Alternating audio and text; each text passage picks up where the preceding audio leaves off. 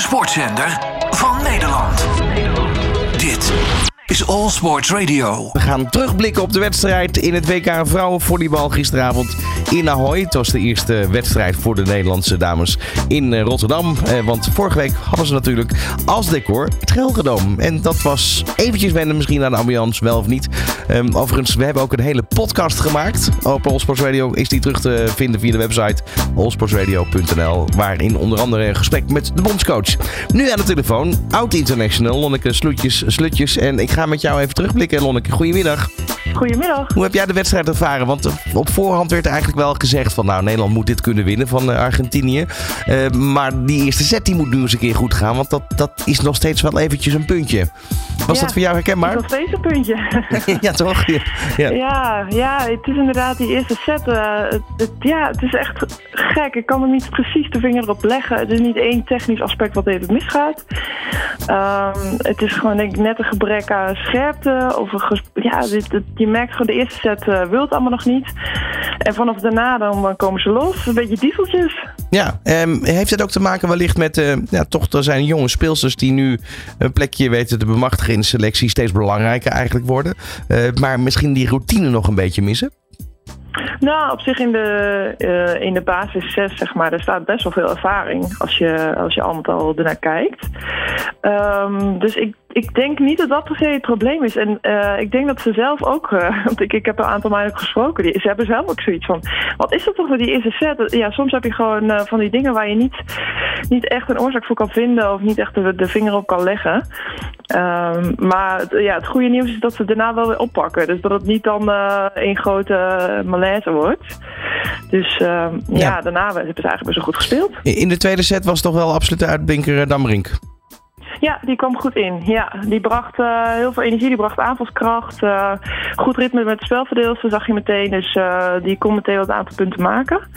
Dus ja, dat was wel een goede invalsbeurt, zeker. Wat, wat vond jij nog meer de uitblinkende speelsters? Ik heb hier opgeschreven Buis, onder andere Anne Buis. Die scoorde 18 punten in totaal in de wedstrijd en daalde erop 21 punten. Ik hoop dat ik eh, goed meegeteld heb. heel goed, daal erop. Ja. Ehm, ja, die, eh, die begint echt in het toernooi te groeien. Die heeft heel wat uh, blessureleed gehad afgelopen zomer. Dus eh, het is heel fijn dat. Want het is best gek eigenlijk om zo'n groot toernooi eh, te spelen... terwijl je eigenlijk helemaal geen wedstrijdritme hebt. Dus je merkt ook in de eerste wedstrijden in het Gelredome... dat het nog wat eh, roestig allemaal aanvoelde bij haar. En ehm, elke wedstrijd kwam ze, er, kwam ze op een gegeven moment wel in. En nu merk je gewoon dat ze echt los begint te komen. Dus dat was heel fijn.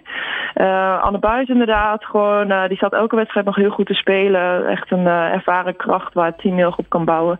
En eh, iemand die je niet noemde was Eline Timmerman. Die vond ik echt uitblinken in blok. Ik heb geen idee hoeveel blokpunten ze heeft gemaakt. Maar volgens mij waren dat echt wel acht. En dat is echt heel veel. Ja, dat is knap ook.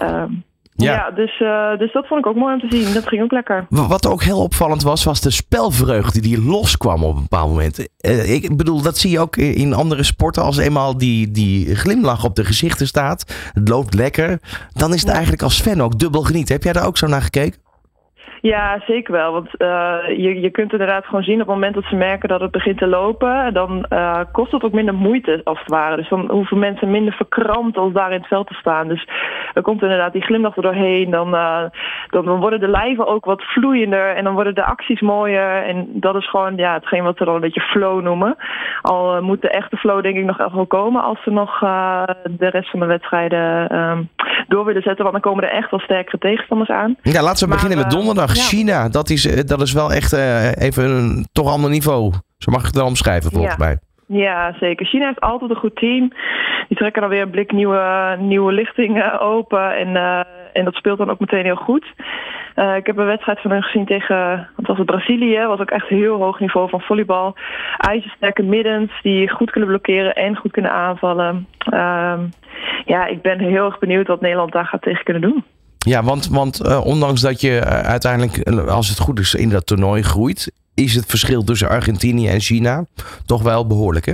Qua Ja, dat is tegenstander. echt een heel groot, heel groot verschil. Ook in, in fysieke aspecten, maar ook technisch, tactisch is het echt een team wat, eh, wat ijzersterk is. Ehm, heel veel lengte in de ploeg. Ja, dat wordt echt wel een eh, flinke kluif. Maar weet je, de wonderen zijn de wereld nog niet uit. Eh, de meiden gaan ervoor vechten. Ze hebben lek, gisteren lekker even wat gevoel op kunnen doen in Ahoy. Dus ja, we gaan het Nou, zien morgen. du- Dus, dus even misschien, hè, ik wil niet, wil niet de boel helemaal opblazen, maar stel dat het, dat het straks lukt tegen China, dan zou je kunnen zeggen dat dit een trainingspotje was gisteravond. Ja, nou ja, nu is eigenlijk elke wedstrijd gewoon een finale. Want je moet gewoon elke wedstrijd winnen. En Ja. die spanning staat er ook wel op. Of je nou een mindere tegenstander hebt of een betere tegenstander. Maar het is wel fijn dat, eh, dat het schema het zo toelaat dat er inderdaad eerst eh, een keertje tegen Ar- Argentinië kan worden gespeeld in Ahoy. En daarna pas de, de echte grote ploegen, zoals China en Brazilië. Die Ja, maar, maar Dus, opvallend eh, ook, en dat weet jij natuurlijk niet als, als geen ander, als speelster. Twee topwedstrijden op, op een dag na elkaar. Hoe, hoe kan je je snel weer herladen in, in 24 uur? Want dat is eigenlijk wat er aan de hand is. Ja, ja, in principe is dit een toernooi wat juist relatief veel rustdagen al heeft. Het is ook een heel lang toernooi, dat zeggen de meiden ook. We zijn eigenlijk best wel gewend om gewoon drie dagen achter elkaar te spelen en dan ook echt eh, topwedstrijden te spelen. Dus ik denk eigenlijk dat twee dagen achter elkaar eh, niet zo'n heel groot probleem gaat vormen. Eh, ze hebben natuurlijk gewoon goede fysieke eh, hulp. Eh, de fysio's staan voor ze klaar om, om ze te helpen herstellen. Er wordt goed gegeten en gedronken na de, na de wedstrijd. Dat zit allemaal perfect op elkaar afgestemd. Dus daar, daar verwacht ik geen problemen. Eh, hoe kijk jij eigenlijk als, als oud volleybalster nu naar het feit dat het WK in Nederland is? Eh, Heeft het bij jou niet enigszins ook wel gekriebeld? Ehm, nee. Nee, ja, tuurlijk, is het heel mooi. Eh, je speelt natuurlijk het liefst een toernooi in eigen land. Maar ik, ik was gewoon heel blij met mijn keuze om te stoppen. Daar heb ik ook echt nooit, eh, nooit spijt van gehad. Ook niet nu, nu het WK in, in Arnhem, Rotterdam en Apeldoorn is. Nee, dus eh, gelukkig geen, eh, geen spijt of geen, nee, geen, niet al te veel kriebels. Maar als ik je zo hoor, dan geniet je eigenlijk enorm van het feit dat dit nu wel plaatsvindt. En je eigenlijk gewoon kan kijken van buitenaf hoe de dames het doen. Ja, absoluut. Ik, ik vind het echt super gaaf. Eh, ik ben ook toernooidirecteur, dus ik mag ook heel veel meemaken van het hele toernooi zelf. En dan aan de achterkant wat er met de organisatie allemaal gebeurt. En dat is zo leuk, eh, leuk om mee te maken als je als speelster eigenlijk alleen maar met oogkleppen op eh, zo'n toernooi beleeft. En nu dan echt alles mee kan maken. En ik, ik zie ook heel veel mooie wedstrijden. Ik, ik ben echt op het top aan het genieten. Ik ben gewoon eigenlijk een beetje volleybalfan eh, deze, deze week. Ja, precies. En, maar dan sowieso toernooidirecteur, dat is natuurlijk al een hele mooie start eigenlijk na je volleybalcarrière. Om dat nu al op je cv te hebben.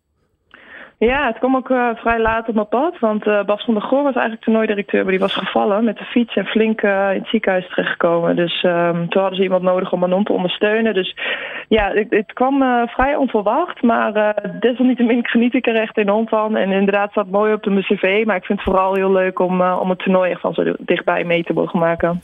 Vrijdag in Nederland-Brazilië. Wat verwacht je van die wedstrijd? Tot slot.